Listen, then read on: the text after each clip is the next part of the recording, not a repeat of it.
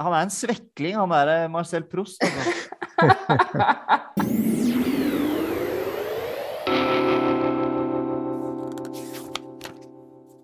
Kjære, kjære lytter, kjære bokvenn, kjære medborger og medmenneske, velkommen til denne episoden av Bladpodden. Det er fire ulike grupper vi henvender oss til, og min favoritt av de gruppene er faktisk medborgerne. Det er de jeg liker best. Eh, bokvenn Jo, det er koselig, det òg. Og medmennesker syns jeg er, det er så kjedelig, men medborgere, det liker jeg. Hva, og lyttere. Hva liker dere best? Mm, kanskje Jeg likte medmennesker ganske godt. Du liker Jeg synes ikke det- medmenneske. Ja, Men jeg syns medborgere er litt tøffere. Det er liksom litt mer sånn De er borgere i samme stat. Det jeg, men OK, medmennesker, ja. Er ikke det det samme? Nei, nei, nei. nei. Borgere, oh, nei. det er mye kaldere. Det er mye mer profesjonelt. OK. Du Det er mer- også Det er mer byråkratisk. Det er mer byråkratisk. Og Mm. byråkrati er noe av det vakreste mennesket har funnet på. Mm. I, i, i sin blindhet. Men hva syns du er best da, Eirin? Mm. Herregud. Um, nei, men da får jeg gå for medborger, jeg òg. Jeg fikk overtatt det. Men Ja. dere skjønner, kjære Jeg, jeg liker distansen. dette blir en forferdelig lang episode. Og her skal vi innom mange digresjoner. Men vi må jo si velkommen til deg, Peter Strassegger, forfatter og psykolog. Jo, takk for det. Og festivaldirektør, eh, kan man kanskje si. Og vi skal komme Direktør. tilbake til det. Velkom, ikke velkommen, men som vanlig har vi selvfølgelig med oss Eirin A. Betten. eh, Forfatter, journalist, essayist, kritiker og caffè latte. Urban caffè latte-drikker. Så Lyg veldig mye, Jonas. Men eh, det temaet er jord. Temaet er jord, Mm. og det var derfor jeg kalte deg urban, Eirin, fordi um, jorden er jo en kontrast til det urbane. Mhm. Og vi skal starte med, som vanlig, å henvende oss til bokvennen inni oss og snakke om hva leser du for tiden. Så ja, har du lyst til å starte, Peter? Ja, jeg leser egentlig alltid veldig mye forskjellig. Jeg har litt sånn eh, vi kan kalle litterær ADHD. Jeg begynner på ei bok, og så fortsetter jeg med neste, så fortsetter jeg med ei til, så går jeg litt tilbake til den andre. Men jeg har med ei bok som, jeg kunne være, som jeg holder på holdt på med en stund. Men det er veldig, veldig bra, og kunne være litt relatert til dette med jord. Og det er jeg løfter den opp, for det vi spiller det inn. Det er Mary Bird, SPQR. Ei populærvitenskapelig fagbok om det gamle Romerriket. Um, litt sånn for å finne opphavet til den europeiske kulturen, kanskje. Um, men også sånn fordi jeg har liksom aldri lest så mye om Romerriket sin opphavet. Vi er liksom, vant til å snakke om undergangen og oppløsningstiden, men egentlig starten på det her. Overgang, hvordan denne lille plassen ble eh, et stort rike og tok over seg denne greske kulturen. Og så samtidig holdt jeg på å lese Vergil sin Georgika. Nei! Dette er, dette er en jordbok. Ah, Her er har jeg også forberedt jordbok, eh, men det er kult. Lytterne kan ikke se dette, men idet Peter holdt opp sin versjon av Georgika, så holdt jeg opp min. ja, vi er nødt til å lese litt fra denne boka. Det er gitt ut på Solum forlag, eh, Solum bok, det som i dag er Solum Bokvenn. Så liten shout-out til bokvennen der. Men eh, ja, du leser den nå. Hva syns du? Eh, jeg jo med, var jo mest opptatt av dette som dreide seg om jord og, og, og første del av boka. Um, og så syns jeg at de var inne på at han var inne på noe som um, Skal jeg bare lese litt fra det med en gang? Ja, ja. Ganske, ja, fordi han er det er akkurat som han har ganske mye innsikt i dette med jord, um, hvordan den skal pleies. For han skriver der annethvert år skal du la din høstende åker bli brakkland, godta at den får fred og blir hår ved å ligge uvirksom. Eller så kan du spre ut ditt gule, gule korn på et senere tidspunkt, hvor der hvor du før høstet bønner med yppige dinglinger belger. Altså han er inne på vekselbruk. Ene året må du ha belgfru- belgfrukter, for det gir nitrogen i jorda. Og året etterpå kan du ha korn som trekker nitrogen ut av jorda. Mm. Dette er moderne eh, jordbruk. eh, fagstoff egentlig allerede. Men når du kommer litt seinere til dette kapittelet om biene, så er det ganske tydelig at han ikke er det som er faglig kunnskap. Han snakker om ikke at det er en dronning, men at det er en konge som regjerer. og Det, liksom, det ble liksom litt mer sånn fantasi. Så det, jeg synes det er så fascinerende hvor mye kunnskap vi har om noe. Og, og hvor mye som er å for gitt at de selvfølgelig må ha kunnskap om det andre, men det har de selvfølgelig ikke. Så det er veldig fascinerende å lese akkurat det. Så han trodde biene ble styrt av en konge for en idiot. Ja, Alle vet at det er dronning. Men vi må ha fokus, fordi det skal handle om jord. Og Mm. du har skrevet en tekst i blad om hvor du in introduserer et begrep jordbok. Det syns jeg er et flott, flott ord. Og du Mm. prøver å finne et kandidater til et jordbokbibliotek. Men hvor har du det begrepet fra, jordbok? Eh, det har jeg fra ei bok som heter Jordboka, eh, som er skrevet av en eh, fagmann som heter Dag Jørund Lønning. Eh, hvor han er rett og slett en fagbok om jord, eh, skrevet og gitt ut på eget forlag, men han er så vidt professor og rektor på en, eh, på en eh, høgskole for grønn utvikling, heter det, bygdeutvikling. Um, og han sier at han har lest veldig mye skjønnlitteratur i livet sitt, men han har ikke funnet noe særlig jordbøker, altså skjønnlitteratur om jord. Han mener det er litt sånn de gamle sanskritmyter eller mytologien, men det er ingen som skriver om det nå.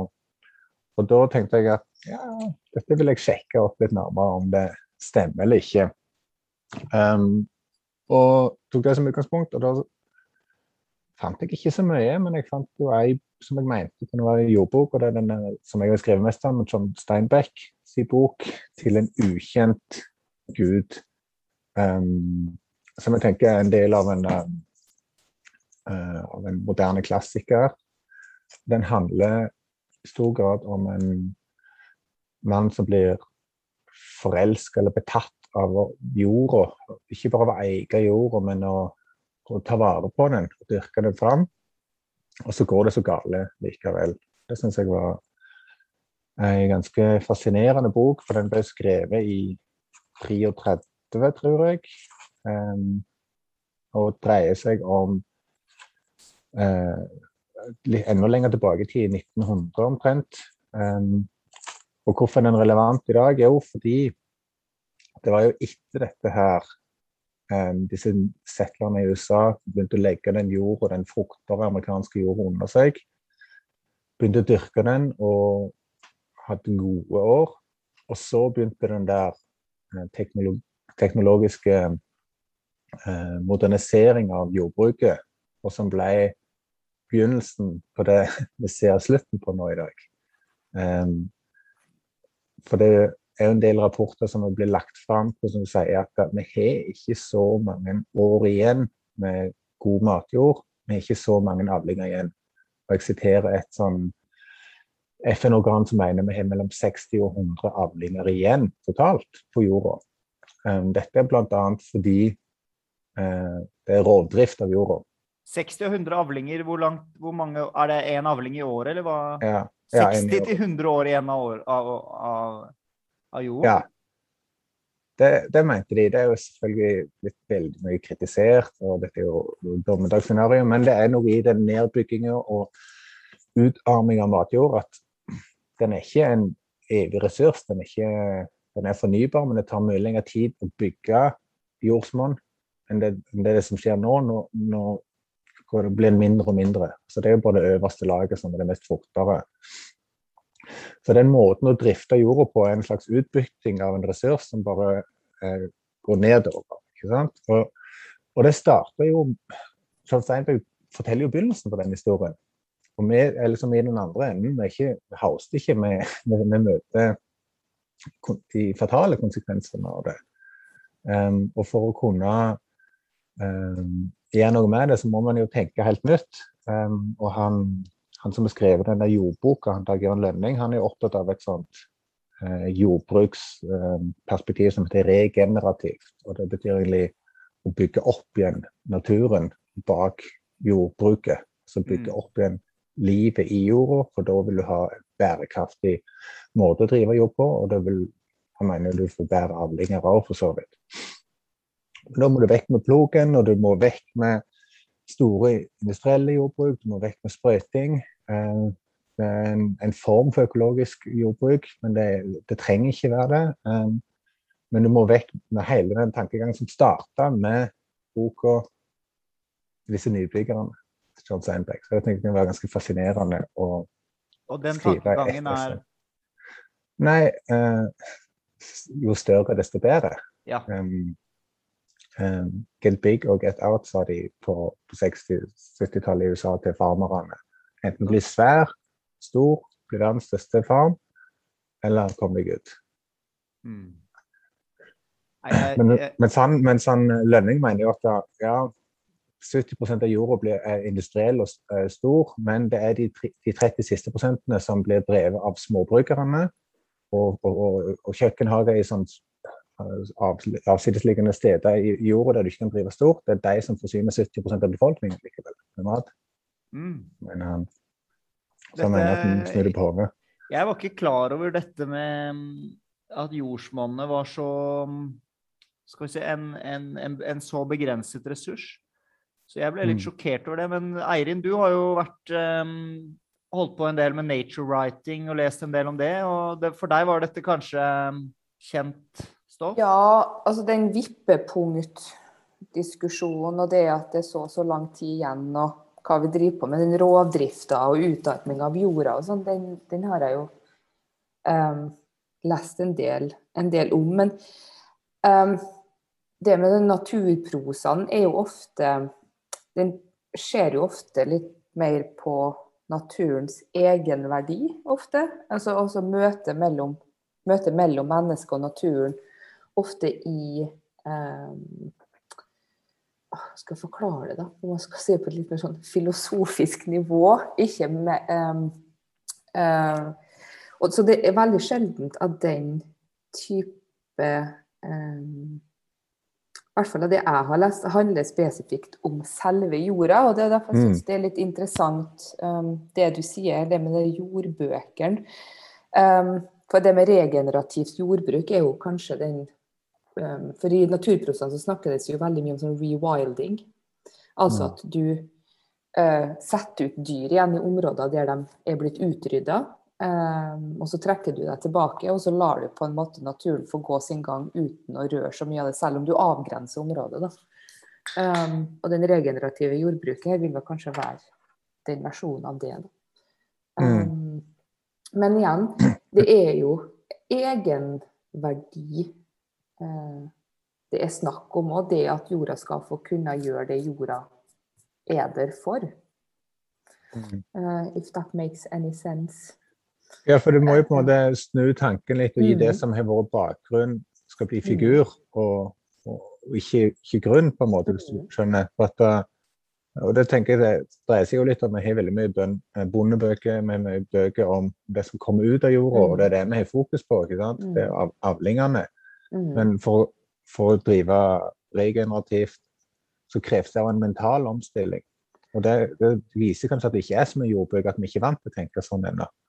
Men også Jordbruk i Norge tror jeg ikke på noen spesifikke tall, men det er jo veldig lite av arealet i Norge som faktisk blir brukt til jordbruk. Vi tror at det er veldig masse, men det er kjempelite. 3% ja, ikke sant? 3% For mm. det er ikke um, vi, Norge, altså, norske, Norges land er ikke laga slik at det er så veldig masse fruktbar jord. Det er Nei, det er på nivå med, mange, med ørkenland og små øystater og sånt. I antall prosenter. Mm. Ja. Vi hadde jo som Jeg driver denne Jordøyen litteraturfestival her mm. på Jæren. Um, som er en festival som prøver å kombinere jord og mm. litteratur. Um, og jordbruk og, og, og, og ja, skjønnlitteratur. Um, og der inviterer vi både fagfolk, eh, forskere på jord, eh, vi inviterer bøndene for, for de til å bli artister, komme på scenen, og gjerne i kombinasjon med forfattere eh, for å utfylle hverandre. Men der hadde vi òg en, en, jordforsker som heter Arne Bardal fra, fra Nibjø Aas, som sier at det blir ikke bare, jord blir ikke bare oversett i, i, i litteraturen eller som du sa, nature writing, men, mm. men også i disse store klimarapportene. Vi snakker om CO2, Mm. eh, naturmangfold, men, eh, natur, og havet, da. Men, men jorda som en Mm. måte å binde karbon på, og som eh, det som knytter egentlig alt det her i hop, det blir også til og med der veldig ofte oversett. Mm. Så jeg tenker det er på tide å snu det her. Ja, for det blir jo heller ikke snakka om jorda i den Da snakker vi mer, mye mer om myr, da. Det er det når vi snakker om det å legge vei fra Kristiansand opp til Trondheim, er det ikke det? Og det, Mm. den, eh, det, det området de da tenker å, å brøyte opp, fordi at de går jo over bl.a. områder hvor For myra vet vi jo lagrer masse, masse karbon. Um, Mm. Men um, jeg vil jo anta at jorda har, har noe å si i de områdene. Men ja, det Ja, det er jo massevis av matjord som forsvinner på disse er enorme veiutbyggingene. Du skal spare noen timer kjørevei. Du skal kjøre Ja. 110, og så skal du gi fra deg Altså, mat, Jord har jo alltid vært hvis jeg tenker litt politisk, det er jo alltid makt det dreier seg om.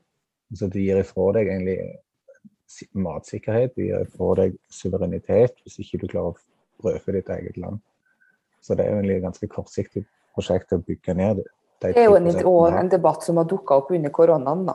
Selvfølgelig det med å være den selvforsynte debatten. Det har selvfølgelig vært på ulike Mm. nivå, fra medisiner til, til, til andre ting. Men um, det har Mm. jo ja, De har jo vært spesielt store, men det er at hva er 30 eller noe sånt av det vi spiser av Um, altså Det som er av mat i butikkene, er vel norsk mat. Resten er import, tror jeg. Mm. Um, det er mulig at det er et feil tall her, men det er noe Nei, nei, et- det er det de sier. Ja, 30 ca. Og hvis du korrigerer litt for at kjøttet blir Mm, Å spise kjøtt, så må du importere mm. kraftfôr fra utlandet. Ja, og det er jo ja, over 90 soyaen er jo importert. Altså det er jo over 90% med soyaen som blir spist Ja. til fôr, er jo importert. Sånn, så Ikke sant? er- Så kommer ja, den norske kjøtt. Mm. Ja. Og så importerer vi potet fra Frankrike. Når det er få ting som Norge faktisk kan faktisk produsere. Men nei da, den skal, den skal importere. Mm. Men det er jo, det, alt her handler jo om en mental omstilling, da, som du nevnte i sted. Det at um, vi har vent oss til Eller vi, vi, vi er jo en del av det, så det, store globaliserte systemet. Så det er, det er vanskelig å kunne bryte ut og bare si nei, nå endrer vi det Mm. over natta. Det må en, en Ja, det går ikke. Og det var derfor vi tenkte vi ville starte den litteraturfestivalen. For det er jo et sted det er mulig å prøve å stoppe opp og, og tenke Mm. litt nytt om det her. Mm. Og, og vi opplevde at det var ganske stor interesse for, for akkurat den festivalen, fordi det kanskje Mm. var akkurat i den der tidsånden og, og, og koronaen som Hvordan liksom rent konkret er det dere kobler jord og litteratur på den festivalen? Eh, Det ene er jo tenker jeg at, at det er her på Jæren, der det er landbruksdistrikt. Um, og at vi prøver da å nettopp som sa, kuratere sånn en forfatter med en bonde i lag. At vi hadde et innslag som heter 'Småbruksforfatterne', som uh, kommer inviterte Agnes Ravatn og Lars Visdal, som, som er litt mer egentlig forfattere i lag med en bonde som, som er interessert i litteratur, og får til å snakke litt om de ulike næringene. Sant? Ja. Um, um, og, og, ja, og, og fagfolk òg. Ja. Egentlig Mm. gjennom kurateringer. Men um, du sier at du ikke finner så mange jordbøker, og han um, Lønning, var det det han het? Mm. Men du, du har jo lett kanskje mer enn Lønning har, men, uh, men hva ser dere Ja. egentlig for dere? At, at, at, at liksom man skal skrive om jorden Altså, Ja, det, det, er, det blir jo Du har jo denne Georgica, det er jo ja, men, ja, men det er jo også hvordan Det handler jo om hvordan menneskene skal få mest mulig ut av jorden og, og um, bli suksess... Altså det er jo how to Det er jo en suks, hvordan vinne suksessbok, mm. på sett og vis. Men hva er det dere ser for dere? Ja, altså det er jord eh, kan, eh, Kanskje en, en, en meitemark? Kan det være det? Jeg, vil, jeg tenker heller tenke på at det handler her om opplysning. jeg. Rett og slett at det er um, Det vi står ovenfor nå, um, klima- og miljømessig, er faktisk så alvorlig Mm. at det å ikke være opplyst om det som nå er i ferd med å skje, er altså En vet at veldig mange ikke er det, og en vet at veldig mange overser det. Ønsker å ikke vite så veldig masse om det, for det er veldig stort. Det er jo det som det å kunne ta inn over seg hele den klima- og miljøkrisa er jo det som må bli kalt for et hyperobjekt. Det er altfor stort og komplisert til å kunne greie å, å, å forstå alle eh, komponentene av. Men um, på et litt sånn folkeopplysningsnivå så bør det vel være slik at vi er eh, og da mener jeg, skulle jeg gjerne ønske å si alle av oss, altså, men at vi er klar over um, hva, så, hvordan systemet fungerer og hva vi er delaktig i når vi ukritisk forbruker um, og forbruker mye. Og det å kunne forstå litt produksjonene fra A, fra A til Å, hvordan noe lander eh, i handlekorga di, og hvorfor det er der, og hva som er årsakene til at det er der, og hva det er vi utarmer ved å ha produktene tilgjengelig året rundt, osv. osv. Um, ja. Og den opplysninga der, det at det, det bør, altså ta en folkeopplysning. og det ja. Jeg tror det er det som er gru, altså bakgrunnen, eller grunntanken. Da, ja, grunntanken det, men, mm, det. Eh, Bernhard Ellefsen har jo et essay i samme utgave av bladet hvor han snakker om svenske forfatteren Elin Wegner. Mm. Og bare i ingressen er liksom kun, For svenske Elin Wegner kunne det ikke finnes noen fred på jorden uten et mer ydmykt forhold til jordsmonnet. Mm. Der har vi jo en jordbok en jordforfatter. Mm. Men du nevner Bibelen. Det syns jeg er fint. Bibelen er en jordbok, skriver du. Ja. ja. jeg ble litt sånn slått av når jeg begynte å lese Bibelen og så den første gjentakelsen i Bibelen er ordet jord. I opphavet var skapte Gud himmel og jord. Jorda var øde og så videre. Så jeg tenkte at dette må jo bety noe når det allerede Jeg hadde en teori at det er jo mye jord. ikke sant? Da jorda kommer til jord skal du bli. Men så fant jeg det, den gjentakelsen. Shit, det her, eh, det her tenkte jeg var viktig. Og så, så, gjeng, så går det jo igjen i, i første Mosebok, når du leser litt videre, at, at de, de ble kastet ut av Edens hage. Så skal de liksom med strev så måtte de bli, de måtte bli bønder, rett og slett. De måtte drive jord og, og sette i ansikt, og så måtte de begynne å jobbe um, for å få noe liv ut av, ut av jorda. Og, og Bibelen har jo ganske mye fokus på det der hellige, kanskje, men av det der kraften. Altså hva eh, hvor, hvor, oppstår livet henne? Og det er jo det som en Vi mister liksom tilknytningen til det hellige, og, og dermed også til jorda. For det er, jo, det er jo Mytene var jo fulle av, av moder jord. Eh, eh, altså fruktbarheten. Eh, da var jo jorda mye mer sentral kanskje enn for oss til nå.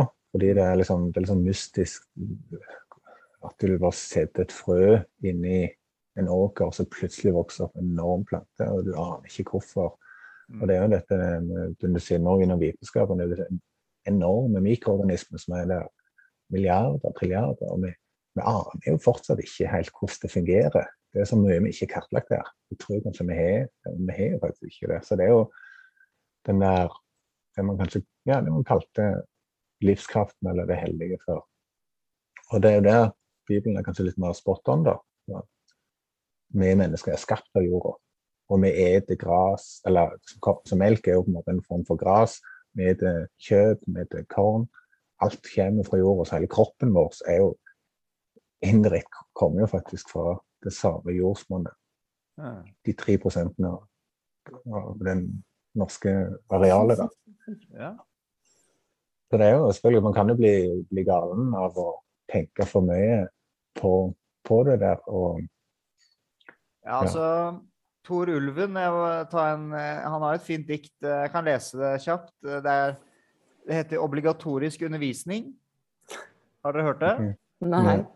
Du snur en stein det er prosadikt. Du snur en stein som ligger på den fuktige bakken fordi du liker å se maurene, de gulbleke markene og saksedyrene som det ventelig vrimler av under den.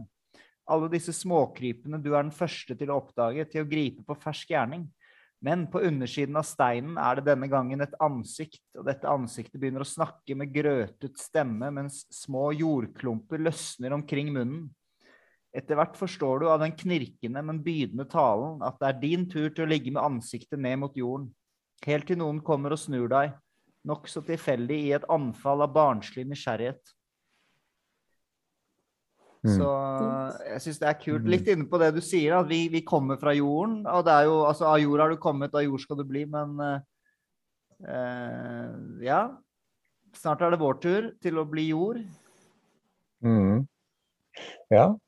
Det Eller stein, ganske- eller hva, hva det nå er. Ja, det blir jo kompost.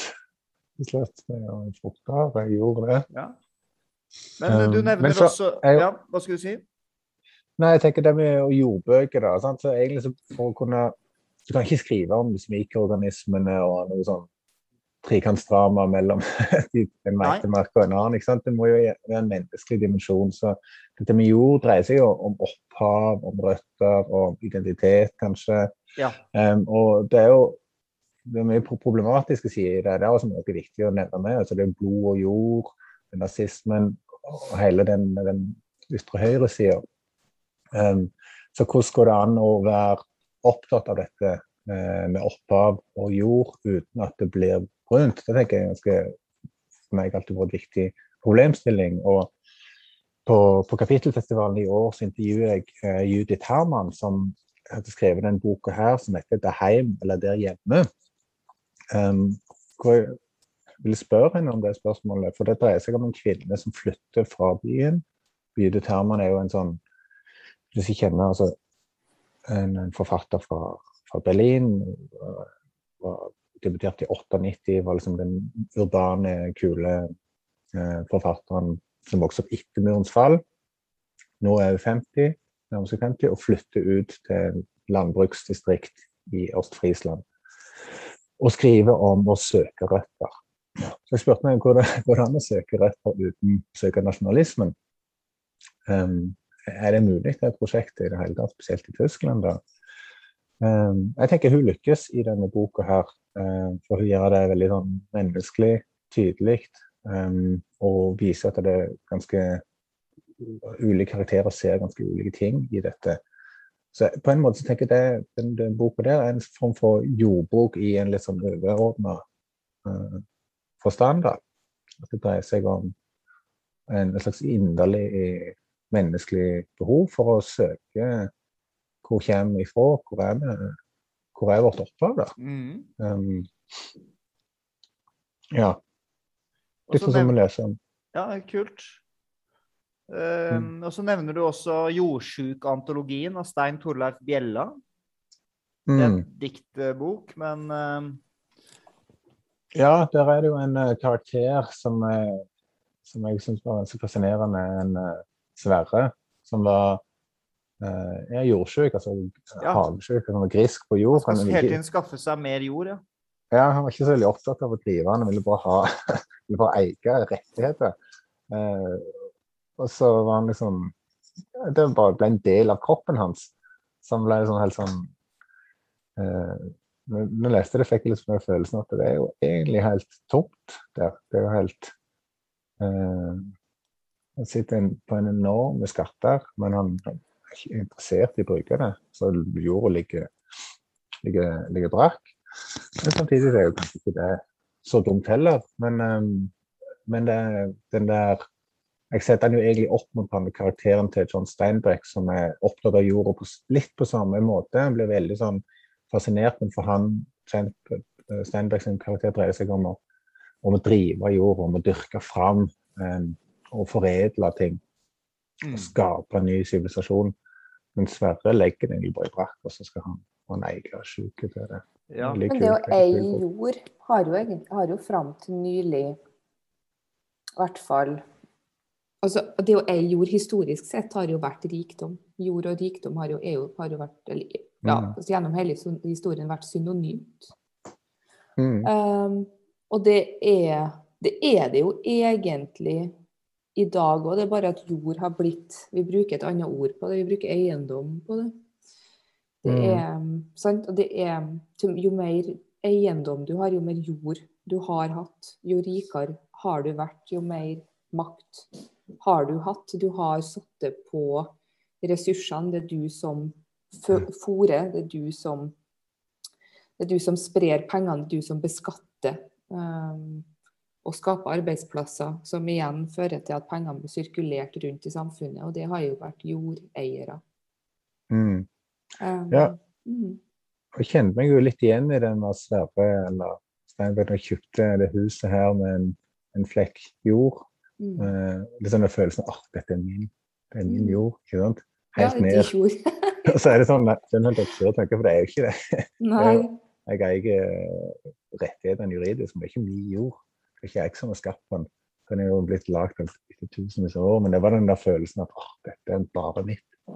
Ja, i Norge så har du vel lov til å ha Uff, hva er det heter? Jeg er så dårlig på den, den terminologien. Er det ett mål? Nei. Hvor, lang, hvor, hvor, mange, hvor mye er det igjen? Du har lov, du, I allemannsretten så er det slik at du eier så og så mange meter rundt huset ditt der folk ikke har på en måte bevegelsesrett. Ja, Men utafor det så, så kan andre ha bruksrett. så, ja, så har du, er, all- gjelder allemannsretten. Og det, Ja. er jo, mm, og det er jo tilgang til jorda. Sant? Tilgang til Mm. naturen. Men du Ja, eier så og så mange meter rundt huset ditt som er ditt, da, der du på en måte Det er privatlivet ditt. Um, du kan gjøre hva du vil innenfor de meterne. Du eier, Mm. anførselstegn der. Eh, men utafor så er det, er det folkets rett da, til, å, til å kunne bevege seg på den jorda. Mm. Mm. Ja, og det er vel spørsmålet med hva, hva er jorda verdt? Hva er et sånt Mm. område verdt? Eh, Jeg snakket med en bonde her om det, at det um, Før, når noen uh, solgte gården sin um, Mm. fordi byen skulle bygges ut, så var han interessert i å bytte den i en annen gård omtrent like stor. Fordi det var det å drive jorda som var det som lønna seg. Da fikk du mat, og du fikk en, en viss inntekt. Um, det var ikke så mye penger på en måte i selve arealflekken. Um, men nå så er det de eksemplene her på, på Jæren er det enormt press på matjorda fordi de vil bygge ut til, til industri og boliger. At det er en bonde som kan få 150 millioner for noen, noen mål jord. Han har ikke sjans i havet til å tjene så mye penger på hele sitt liv. Ikke sant? Um, og han lager mat nok til å forsyne kommunen med poteter i et år på, det, på dette, denne konkrete plassen. Men det er ikke lenger penger i produksjon av mat. Det er ikke lenger penger i å drive en gård. Så de fleste vil selvfølgelig selge og bli mangemillionærer Mm. hvis de har muligheten til det. Um, og det, tenker, det mente han bonde, det er jo det som er galskapen i samfunnet, at det, det er snudd på hodet sånn. At, det, at det, det forsvinner jo jorda. Og den jorda der er jo fra en 5000 år gammel jord. Altså den er blitt dyrka siden så lenge vi har kilder, på en måte. Og den forsvinner. Og det, blir, det, det er allerede blitt bestemt.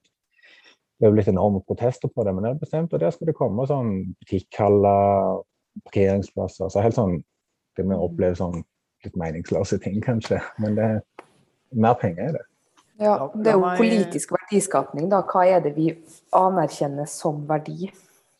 Og det er jo det, Mm. egentlig det som bl.a. er en del av det spørsmålet her. Det er, mm. Hva skulle du si, Jonas? Jo, jeg har en, en digresjon, eh, eller en liten en assosiasjon. Jeg skal nevne en jordbok Ja. Som handler litt om dette å tjene litt penger og sånn. Og dette er, nå må dere holde dere fast, dette er den eldste prosateksten som finnes på latin. OK. Eller eldste kjente prosateksten på latin. Um, den er skrevet av Cato den eldre. Og den er altså eldre enn Vergils Georgica. Mhm. Og den heter om, eh, om jordbruk, eh, på engelsk 'On Agriculture', f.eks. Um, og den åpner sånn her jeg, skal, jeg har et fint sitat, men den åpner sånn When you are thinking of acquiring a farm, keep in mind these points. Og så kommer det, ikke sant? Eh, hvordan man skal velge riktig land, jord osv. osv. Og hva slags utstyr man skal ha på jorden og, og sånn. Men så er det et sitat der som jeg syns er fint. The master, som er da eieren av, av gården. The master should have the selling habit, not the buying habit. Det er, eh, Og så er det In his youth, the owner should devote his attention to planting. Så her er det mange gode, gode råd. Det var liksom, liksom gamle i landbruksskolen, disse, disse bøkene, sikkert. Ja, ja, ja, ikke sant. Det var sånn de overførte. Det er, det, det er en veldig sjarmerende bok, eh, den eh, til Cato den eh, eldre. Så kanskje den kommer på neste jordfestival? Ja, ja, jorden, ja, vi må jo ha en klassikerserie der, absolutt. Skal Ja. bygge opp et sånn jord, jordbibliotek? Egentlig, det burde vi, burde vi gjort.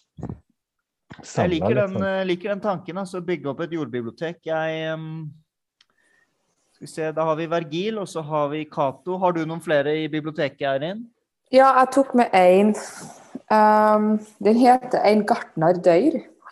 Å ja! Den har du snakket om, ja. Ja, av Lucien Saul, tror jeg det uttales. Eller Saul, sikkert. Who knows. Um, han er vel Er han fransk? Ja, fransk. Um, jeg kan lese litt. Renne. Ja. Mm. Du går i det fuktige gresset, du er innhylla i ei tynn skodde. Duskrene legger seg på dongerijakka di som ei lett barnehand. En lydkjapp løvsanger piper sine chip-chip hele tida. Han er gøymt i et av asketrea som kranser hagen. Du løfter ikke engang hovedet, du vet at du ikke får øye på ham. Det er fremdeles for mange blad på trea. I alle tilfeller vil han snart være vekk, du skal også snart dra din veg. Du tenker på det oftere og oftere, du bøyer hovedet mot jorda. En mollvarp har grava opp jord igjen, midt i hagen mellom artisjokkene og gulrøttene. Du platter ut den finkorna jorda med foten, planer til. En rødsnigel kryper mellom bladene på um, eskariolsalaten. Du spidder han til jorda med ei lita spissgrein og overlet han til sin egen lagnad. Du plukker opp flintstein som de kraftige mollvarp- eh, har fått opp. Du kaster deg på stien. Hele livet samler du steiner som jorda har kasta opp. Regnet har grønska bitene. Du spør deg sjøl om ikke denne flinten har vært i handa på en neandertaler. Du ser for deg snigler store som dinosaurer, der det gnafser i seg 30 meter høyt ormegras. Du vasker det tilgjørma hendene dine i en dogvåt grastust og tørker deg på en annen tust. Du holder fram med morgenturen din i hagen. En hvit mjøldogg begynner å legge seg på den første feltsalat. Fint. Mm. Kommer det jordbøker fra deg etter hvert, Peter? Ja, jeg skal ikke se vekk fra det. Hva med deg, Eirik? Eirin? Jonas, Oh, ja, ja, Peter har et spørsmål. Ja, for jeg tenkte, jeg kom på en ting når Eirin leste det her. Veldig fine skildringer. Så er det et spørsmål du har glemt å stille ganske tidlig, som burde blitt stilt. Hva Ja. er jord? Hva er jord? Ja. Ja, fordi eh, hvis, hvis eh, Da kan vi ha sånn derre Nå kan jeg prøve å svare først. Eh, tipper jeg kanskje den som kan minst om det. Og Så kan Eirin prøve, og så kan du komme med fasiten til slutt. da. ja, jeg er ikke jord. Hva i all verden er jord? Det blir Ja, sånne spørsmål som man kan stille til barn, og så svarer de masse morsomt. Mm. Um, ja, hva er jord? Jord Jord er em, svart uh, oppsamling av råtne og mineraler og råtne organisk materiale og litt mineraler. Ja, ferdig. ja. Så må jeg bygge videre på det, da.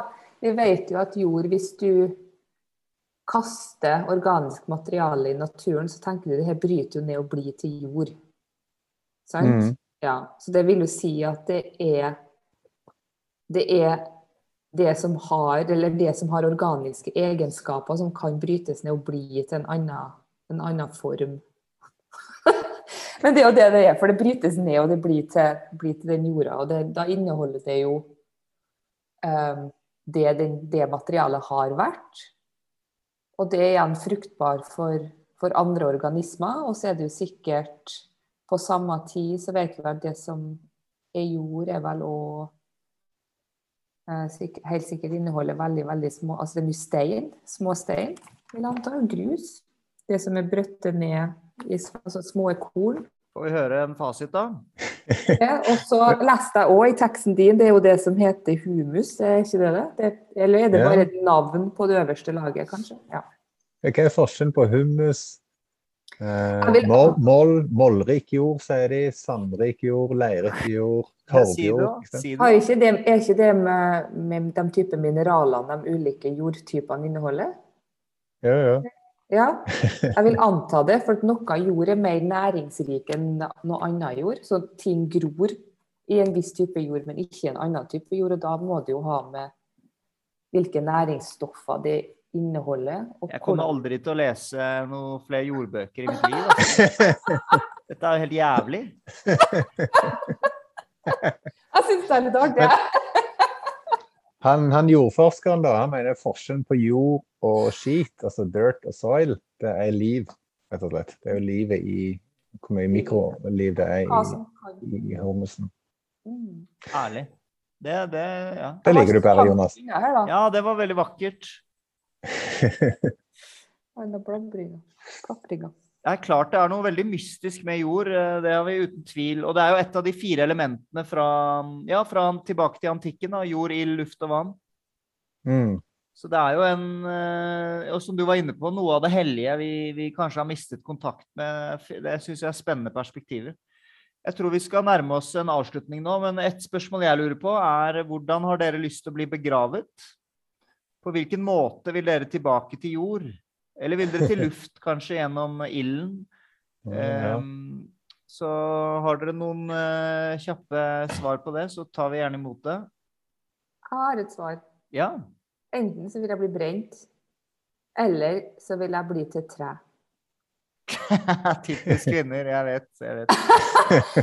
Hvorfor? Jeg ville jo aldri i all verden Én, vi bør ikke bli begrava som i våres som vår kropp, vår, altså hva vi nå er når vi er døde. For det er ikke plass. Nei. Nei. Ja, Så det er det må fair. vi tenke på. Det er fair. Ja. Hva Og så hvis jeg kan eh, bli til et tre, og det er behov for det treet, så kan jeg nå vel få lov til å bli putta inn sånn liten, eller mitt materiale kan bli putta inn en sånn liten sånn pod. Du kan jo kan du bli begravd ned loddrett, kan du ikke det? Jeg, altså, Jeg jeg, ser for meg hvis vi blir begrava loddrett, at det, hvis det kommer en flom, så bare liksom popper vi opp sånn én etter én. Vi blir bare dytta opp. ja, Det ene hvite skallen kommer opp etter den andre. Nei, jeg har ikke lyst til å Jeg kan bare opphøre når jeg dør. Det er helt greit Og du da, Peter? Nei, jeg er jo blitt ganske blitt av den der koronatiden å dyrke ting i hagen og lage min egen kompost. Jeg har lyst til å bli til kompost. Fordi det er jo der livet oppstår på nytt. Ja. Eh, Det er jo en resurrection i seg sjøl. Men da må jo selvfølgelig forholdene være til rette ikke sant? i den begravelsen. Det er nok luft, sånn at det blir arop, ikke anaerob. og alt det greiene der. Men um, hvis i ja, Nei, jeg er ikke helt bestemt meg. Nei, Jeg, eh, det er noe med det å Begge to, da. Det å bli få Altså eh, fortsette som et tre, eller som kompost, eller Ja. den type. Ja. Ja, jeg tror ikke jeg vil bli begrava i ei kiste. Jeg måtte, bestefar døde i, eh, i rundt påska i år, og han ble begrava i ei kiste. Jeg syns det var noe veldig spesielt, egentlig nesten fremmedgjort, ved å, å legge den kista med han i, Ja. ned i bakken, og så skal jorda ligge over han. og Det er old school. ja, jeg syns det var veldig spesielt. Um, hvordan er det med de kistene? Løser de seg opp, eller er, de, er det liksom er det Jo, organisk det må det. De er jo, de er jo laga av tre.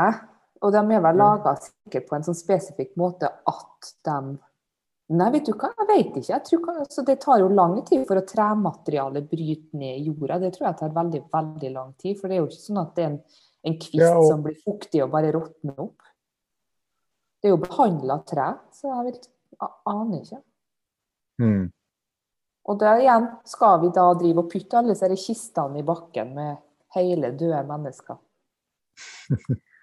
Det er veldig, jeg syns det er veldig rart. Ja. Og du, Jonas? Jo, jeg er litt eh, så inspirert av eh, Lenin og Stalin og det, den muligheten. Hvorfor ler du meg opp i trynet nå? Skal du ligge i sånn glassboks? Ja, Er det den det muligheten skal? til å kunne gjøre et inntrykk på de neste, de neste generasjonene. Og på en måte ha At jeg fortsatt kan sette et støkk i folk, da. Men må ikke du da bli et ikon først? Eller er, er- du allerede et ikon? Det er en del av planen. Og... Så jeg syns det virker ålreit. Ja, god plan, jo. Ok, men herlig. Takk for utrolig fine, spennende perspektiver. Ehm, Det mener jeg virkelig. Jeg, ehm, jorden altså, Det høres jo utrolig naivt ut å si det, men før denne utgaven av blad, så visste ikke jeg at det var, sto så alvorlig til. Og hvor Jeg hadde ikke reflektert rundt det. Hvor, hvor selvfølgelig hvor viktig noe så nært som man tar litt selvfølgelig, tar litt for gitt, jorden er, da. Mm. Nå får du spredt ordet videre. Ja, og så all lykke, kom. hell og lykke til festivalen deres. Jo, takk. Komme neste år. Ja, Ja. September-oktober på Jæren. ja Mhm. kanskje vi kan gjøre en innspilling der oppe? Ja. Dæven, det har jeg lyst til. Det har vært artig. Ja, Mm. Jordein.no. ja, Følg ja, med. ja. Alt godt. Herlig. Eirin, ehm, hva leser du for tiden? Det var jo det vi skulle avslutte med. Ja. Jeg har litt sånn Når det blir litt kaos i hodet, så greier ikke jeg å konsentrere meg så mye om um, å lese verken romaner eller sånne store ting, eller lese ting for formål eller noe som helst. Så da blir det til at jeg leser biografier. Mm. Det syns jeg er veldig fint å lese når du For da leser du bare om noen som har gjort noe, og så trenger du ikke forholde deg så mye til det. Det er bare fint å lese. Altså. kanskje du trenger den informasjonen en annen gang, men det er bare godt å lese gode historier. Så jeg leser um, bok som heter The World Broken Two. Um, der det er T.S. Eliot, Ian Foster um, Det er um, herregud. Um, D.H. Lawrence og T.S. Eliot. Det var veldig mange signaler her, så det var liksom um, I året 1922, da alle sammen kom ut med hvert sitt store verk fordi um, Foster begynte å skrive Passage to India' på nytt igjen. Altså at den hadde ligget uh, etter at den hadde ligget i skuffa en stund. Um, uh, Virginia Woolf begynte på 'Mrs. Dalloway'. eh, og den, eh, den biografiske boka 'Kangaroo' kom ut fra Lawrence, og 'The Wasteland' ble publisert. Så det er et sånt um, I litterære, den litterære historien da, så er det et sånt banebrytende år. Og de her er jo òg fire mennesker som ble vikla inn i hverandre på ulike måter. Så jeg har ikke kommet så langt, men den er så langt veldig fin. Så det leser jeg. Jeg leser masse annet rart, men det jeg ikke gå inn på. Det er noe annet. Det er liksom her Du og fikk jo meg til å, å le- lese en E.M. Forster-roman. Det, var- det var jeg veldig glad for. Den var kjempefin. Å ja, Maurice. Den er ja. så fin. A 'Passage Og to India' er bedre, Snart da. skal jeg lese 'The Waves', altså av, eh, Ja. av Mrs. Dalloway. Men det blir Har dere lest den nye oversettelsen av 'The Wasteland'? Nei, nei, nei, Det øde landet. Det golde Øde landet. Mm. Øde landet, ja. Mm. Av Røkkum. Ja, jeg rekker Jeg kan kanskje lest den lest den nå. OK. Mm. Uh, nei, dere la ikke merke til at jeg kalte um, forfatteren av The Waves for Mrs. Dalloway? Nei! Nå er jeg så sliten at jeg greier ikke mer. Det har vært så sjukt Dette lang blir en dag. litt av en jobb å redigere denne episoden. OK. Lykke, lykke til. Ja, men vi har en, eh, vi har en Westerdal-student, uh, intern, som ja. gjør det der. Ja, lykke til. Eh, jeg leser for tiden Marcel Proust um, bind, fortsatt bind to, del to av På sporet av tid. Jeg kommer ikke av flekken. Jeg kommer litt Og du som var så gira Ja, og jeg så var det. entusiastisk. Jeg var så gira, og nå Han er en svekling, han der Marcel Proust. Altså. Jo, men virkelig. Han klarte å fullføre livsverket sitt, det skal han ha for, det, det respekterer jeg. Men for en svekling sitte sånn og reflektere så mye. Ja, du liker jo ikke Det blir det veldig mye sånn beskrivelse av ting. Nei da, han, han skriver jo veldig vakkert, da. Og han er utrolig god til å, å plukke opp sånne sentrale personlighetstrekk. Um, det er jo helt sinnssykt, uh, de små, små tingene han klarer å se. Men, og sosiale lag og hvordan, hierarkier og alt det der. Men, men for en svekling, altså. Ja, men,